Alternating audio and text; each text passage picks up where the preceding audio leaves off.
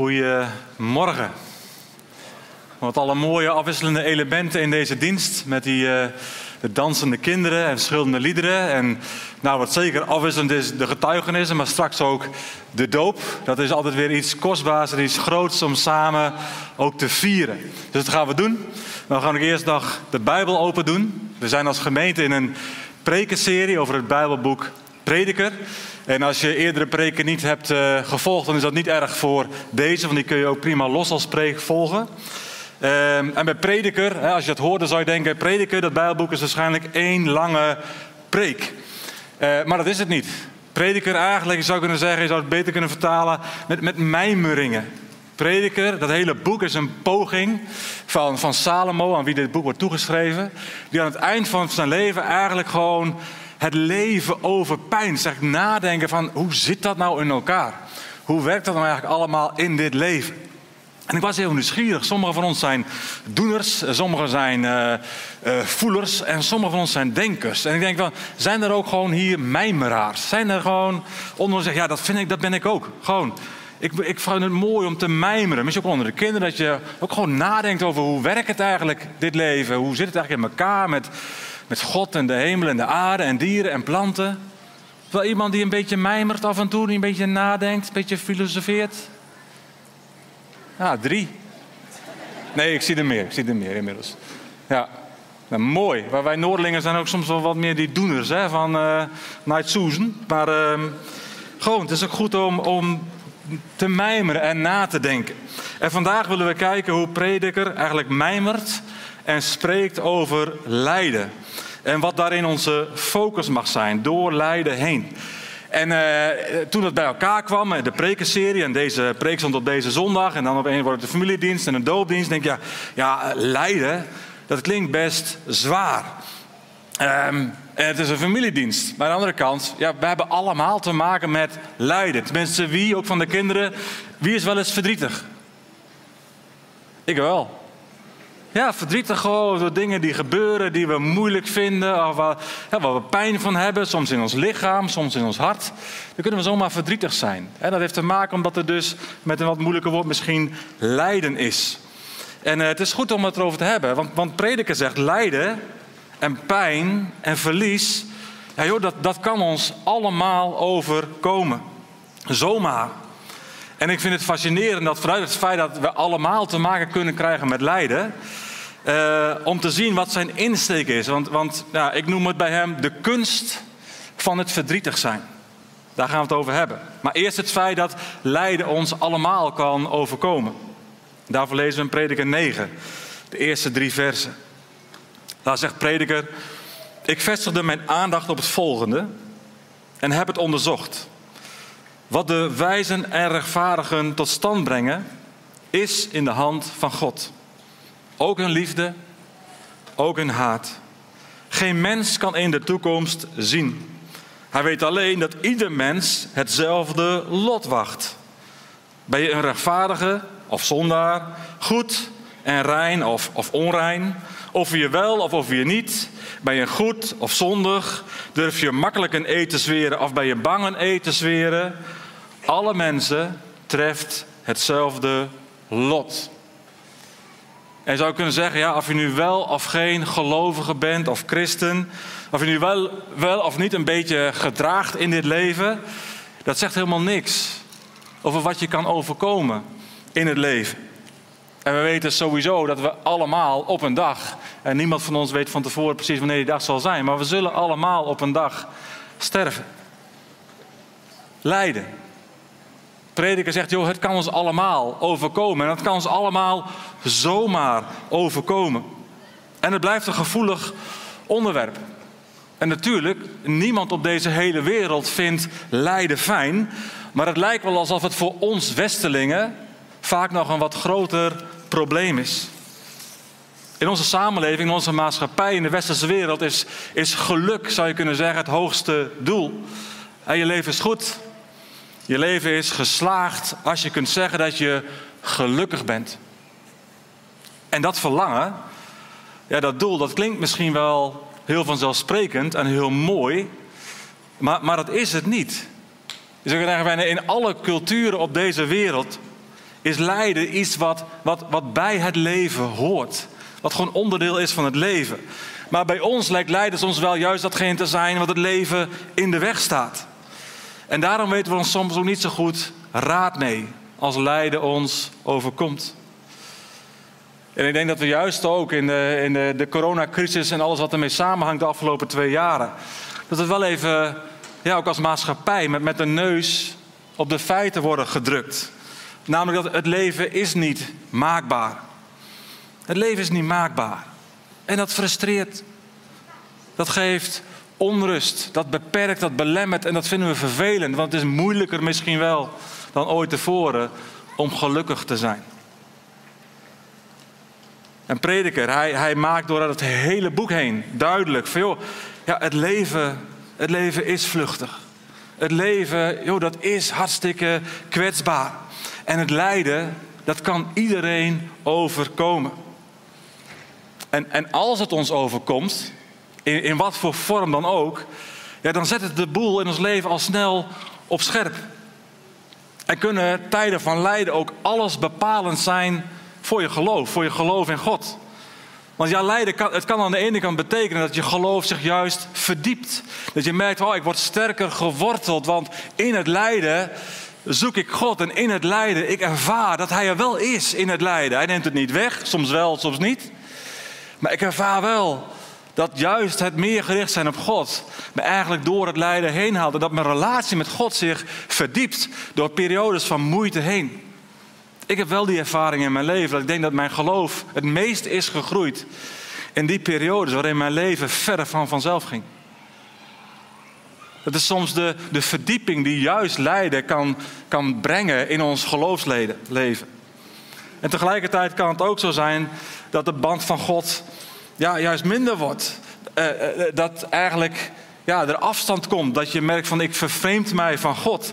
Want, want ja, als God dan goed is. En als God dan machtig is. En als God dan liefde is. Waarom overkomt me dit? En waarom neemt hij het niet weg? Beide kan gebeuren. Dat je juist versterkt en verdiept. Of dat het juist afstand creëert dat God denkt van nou, blijkbaar is hij niet geïnteresseerd in mijn leven. Dat is hij wel. Maar dat wil niet zeggen dat het lijden daarmee verdwijnt. En hoe verhouden we ons dan op een gezonde manier tot het lijden dat, dat ieder van ons zomaar kan overkomen? Twee dingen. De eerste is dat prediker ons op het spoor zet van de kunst van het verdrietig zijn.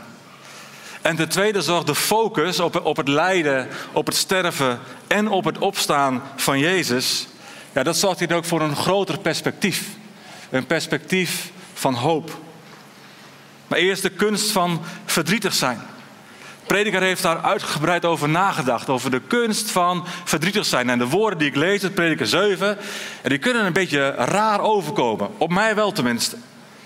Hij zegt, beter een goede naam dan een kostbare geur. De, de dag waarop je sterft is beter dan de dag waarop je wordt geboren. Ik denk, nou, wat een eh, pessimist, wat een zwartschallige mijmeraar. Het is beter dat je naar een huis vol rouw gaat dan naar een huis vol feestrumoer. Want in een huis vol rouw eindigt iedereen. Dat nemen ieder mens zijn leven lang ter harte. Je kunt beter droevig zijn dan vrolijk, want bij een droevig gezicht maakt het hart het goed. De gedachten van de wijze verkeren in een huis vol rouw, die van de dwaas in een huis vol plezier. Hè? En denk ik, nou ja, de Bijbel heeft wel meer uh, gedeeltes waar ik niet zoveel mee kan. Of waar ik soms niet helemaal begrijp. Maar ik denk, ja, dat is misschien niet voor ons, voor nu.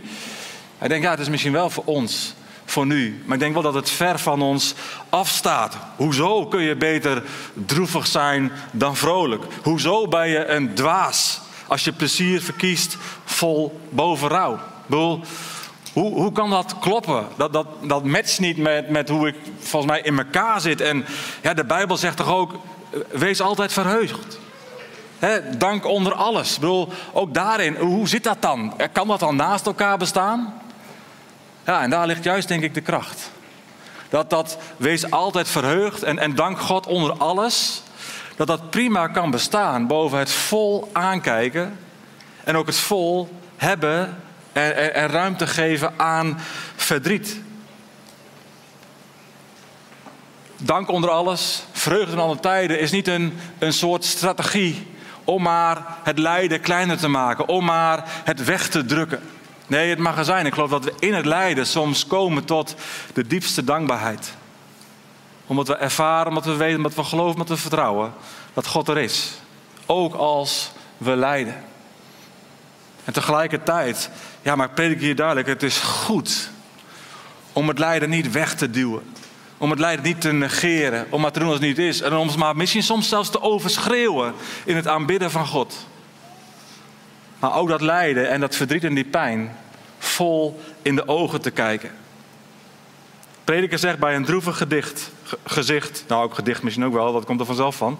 Maar bij een droevig gezicht maakt het hart het goed. Volgens prediker maakt verdriet je uiteindelijk meer mens. Goed verdriet kunnen hebben is een kans voor ons als mensen om te groeien. En, en daar ligt een oproep in. Neem de tijd voor je pijn. Dat is goed voor je hart.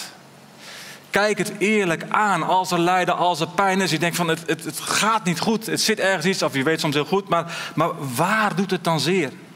In je leven, in je hart, in je ziel. En waarom doet het dan zeer? Wat zit daar achter? Wat zit daar onder? En voor de duidelijkheid, ik wil geen romantisch beeld schetsen van de schoonheid van lijden of zo. Lijden is heel vaak rauw. Lijden is heel vaak verrot. Lijden doet pijn. We hoeven niet stoer te doen. Hoeven ons niet groot te houden. Hoeven niet het zelfs te overschreeuwen met het aanbidden van God.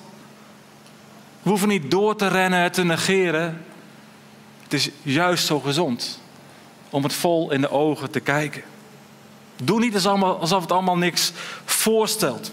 Alsof je misschien wel niet genoeg op God zou vertrouwen als je eerlijk bent over het lijden in je leven. En dat aankijkt en het verdriet erover toelaat.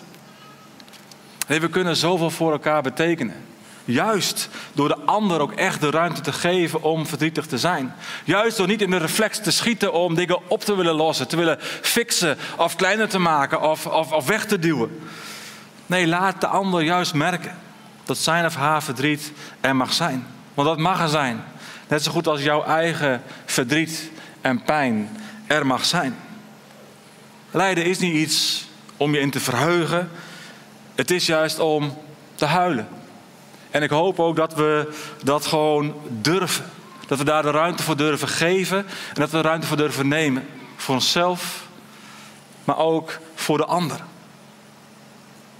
En daarnaast is er nog iets dat in ons lijden zo fundamenteel is. Wat, wat het perspectief gewoon gezond kan maken en, en, en helpend kan zijn. Een deur naar hoop. En dat is de focus op het lijden, op het sterven en op het opstaan van de Heer Jezus. Weet je nog, veel eerder dan jij en ik wist God al wat verdriet was. Eigenlijk is, je zou kunnen zeggen, de hele Bijbel is het boek waarin we zien dat God zo intens verlangt naar relatie met ons mensen. Elk Bijbelboek opnieuw zie je de beweging van God aan mensen. En elk Bijbelboek opnieuw proef je het verdriet van God. Dat, dat eigenlijk zijn liefde, zijn verlangen naar relatie zo vaak ook niet wordt beantwoord. Uit de weg wordt gegaan. Want we willen zo graag soms ons eigen weg gaan. En, en, we denken dat we God niet nodig hebben. Of we denken dat we als we hem wel nodig hebben, dat we in een bepaald keurslijf moeten bewegen en dat bevalt ons niet. Ik zie zoveel verdriet van God door de Bijbel heen. Omdat wij eigenlijk we hem op een afstand willen houden. God is bekend met verdriet en het laat God niet kou, koud. Hij geeft daar intense woorden aan. Eh, vooral ook in de profetenboek in het Oude Testament vind ik dat zo mooi. Mijn favoriet is Hosea. Lees eens vandaag Hosea 11. Waar, waar, je zo dat hart van God de Vader proeft voor het volk Israël. Wat hij zo verscheurd is. Waar je zegt van, ah, weg ermee. En maar nee, natuurlijk niet. Want ik zou zo graag willen dat ze mijn liefde beantwoorden. God weet ook wat lijden is. God weet wat verdriet is. Maar, een hele belangrijke les. God ontloopt het lijden niet. Hij gaat zelfs nog een stap verder. God, hij kiest voor het lijden. En dat deed hij heel specifiek ook voor jou en voor mij. In Jesaja 53, een van de grote profeten, geeft God al een blik op, op Jezus. Maar Jesaja profeteert, verkondigt over Jezus. Hij werd veracht, door mensen gemeden. Hij was een, een man die het lijden kende en met ziekte vertrouwd was. Een man die zijn gelaat voor ons verborg, veracht, door ons verguist en geminacht. Je wat ik het meest bijzondere vind? God kiest ervoor. God heeft ervoor gekozen om op deze manier te komen. Jezus heeft ervoor gekozen om gehoorzaam te zijn tot in de dood. Dwars door al het lijden heen. Om juist door de pijn heen, door het lijden heen, zelfs door de dood heen, een nieuw begin te maken. Een nieuw begin mogelijk te maken, ook voor jou en voor mij. Want al het lijden, al het verdriet, alle pijn van deze wereld, uiteindelijk ja, pakt het zich samen in het lijden van Jezus, in het sterven van Jezus. Daar, op die plek, begint ons leven met Hem. En de bron van leven is God. De bron van leven blijft God. Maar God is ook zo'n, soms kan het een algemeen abstract begrip blijven. Het is God, een God vol ontferming. Het is een God vol ontferming waar we door de hele Bijbel heen, maar ook in onze levens heen kunnen zien, ook in het leven van de gemeente. Het is een God die meegaat, die meebeweegt, die er wil zijn midden in het lijden, ook als het moeilijk is. Die zich vol ontferming, vol erbarmen, vind ik zo'n mooi woord ook daarin, over ons ontfermt. Het is de God bij wie wij soms ook moe gestreden gewoon thuis mogen komen, mogen zijn. En die er wil zijn met zijn aanwezigheid, die er wil zijn met zijn vrede. En de toekomst, ja, die is in zijn hand. En dat is ten diepste iets wat prediker wel weet. Dat de toekomst is in handen van God. Want weet je, als, als, als jouw of mijn hoogste levensdoel zou zijn om in dit leven gelukkig te zijn, ja, dan kan lijden je gewoon echt totaal uit de wedstrijd halen. Dan kan lijden jou wanhopig maken. Maar juist ook als christenen is het wel de bedoeling en is het zo ongelooflijk helpend om verder te kijken. Kunnen we het verdriet en het lijden wel accepteren en toelaten omdat we hoop hebben? En dan vind ik Matthäus 5 zo mooi. Jezus de bergreden begint met de zaligsprekingen. De eerste zaligspreking. Als het gaat over gelukkig zijn. En dan in de een nieuwere vertaling, de Bijbel in gewone taal. Daar staat het echte geluk. Dus als je echt gelukkig wil zijn in dit leven, ja, hier is het recept. Het echte geluk is voor die mensen die weten dat ze God nodig hebben. In tijden van pijn en in tijden van vreugde. Het echte geluk is voor die mensen die weten dat ze God nodig hebben. En jullie Lucas en Lieke. En eh, straks in de tweede dienst ook Arjan en Nathalie.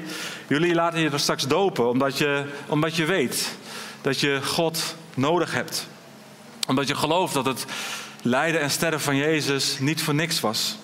Sterker nog, omdat jullie ook geloven dat Hij stierf voor jullie ook heel persoonlijk. Ook voor jullie fouten in jullie leven. Maar ook omdat jullie geloven dat Hij is opgestaan uit de dood. En daarmee ook de macht van de dood en de macht van de duisternis voor eens en voor altijd heeft overwonnen. En jullie doop, het is eigenlijk het jezelf identificeren, ook met het lijden van Jezus, wat, wat, wat dat plaatsvond aan het kruis. Het doopbad, je zou kunnen zeggen, het kan ook in een zwembad, maar het doopbad staat in de Bijbel symbool voor een watergraf, Romeinen 6, waarin je ondergaat. Waarin je straks in de doop ook zegt: ja, maar ik sterf aan mezelf omdat ik wil opstaan in een nieuw leven met Jezus en een nieuw leven voor Jezus. Een nieuw leven, niet per se zonder lijden, maar wel een leven vol hoop. Een leven tot in eeuwigheid. En al vaker heb ik een preek de laatste jaren afgesloten met Romeinen 8, vers 18. En ik doe dat opnieuw. Ik werd er opnieuw eigenlijk naartoe getrokken. Omdat ik geloof dat dit vers voor sommigen van ons zo belangrijk is. Om juist nu, om juist vandaag opnieuw te horen. opnieuw te beseffen, opnieuw te geloven en opnieuw op te vertrouwen. Daar schrijft Paulus. En wat we hier in dit aardse leven te lijden hebben, het weegt niet op. En ik hoop dat het perspectief je wel helpt als er lijden is, wat ook niet overgaat of weggaat. Het weegt niet op tegen de glorie die God ons openbaar zal maken. En daarvan zegt Paulus, en daarvan zegt Arjan, ben ik overtuigd. Amen. Laten we bidden. Ja, Vader, dank u wel dat we gewoon ook als gezin van u, ook in deze gezinsdienst, familiedienst. Hier is het best even een, pittig onderwerp wat voorbij komt. Het lijden. Waar we allemaal soms in kleinere of grotere mate mee te maken hebben in ons leven. Heer, dan reikt prediker hier ons ingrediënten aan. De kunst van het verdrietig zijn. Heer, we vinden het soms ingewikkeld. Het is soms ingewikkeld ook om ons hart open te zetten voor, voor u. Om het ook echt vol voor uw troon te brengen. Hoe we ons voelen, hoe het met ons gaat, waar we last van hebben, waar de pijn zit. Het is soms ook zo moeilijk, Heer, om daar ook de ander in toe te laten. Onze partners, onze broers en zussen, onze vrienden. En ik bid, Heer, dat u ons het vermogen geeft om opener te zijn. Om, als het nodig is, eerlijker te zijn. Over het lijden wat ons overkomt en wat dat met ons doet. Ook wat het met ons doet in ons geloof en vertrouwen op U. Heer, mag het zo zijn. Mag het zo zijn, Heer, dat in onze levens ook echt kunnen zeggen. Dat we de ervaring zullen hebben. En vaak is dat pas achteraf en zijn het loze woorden als je er middenin zit. Maar dat we toch geloven dat we uiteindelijk altijd weer kunnen zeggen: ja, maar God heeft het doen meewerken ten goede. Omdat het uiteindelijk onze relatie met U heeft verdiept. Omdat het uiteindelijk ons meer heeft bepaald bij het perspectief van de eeuwigheid. Omdat we hoop hebben in U, Jezus. Omdat we geloven dat het lijden in deze tegenwoordige tijd niet op kan. Tegen de glorie, tegen de heerlijkheid, tegen de luister die ons geopenbaard zal worden als we U zullen zien, Jezus. Help ons om vanuit dat perspectief te leven. In uw machtige naam, Jezus. Amen.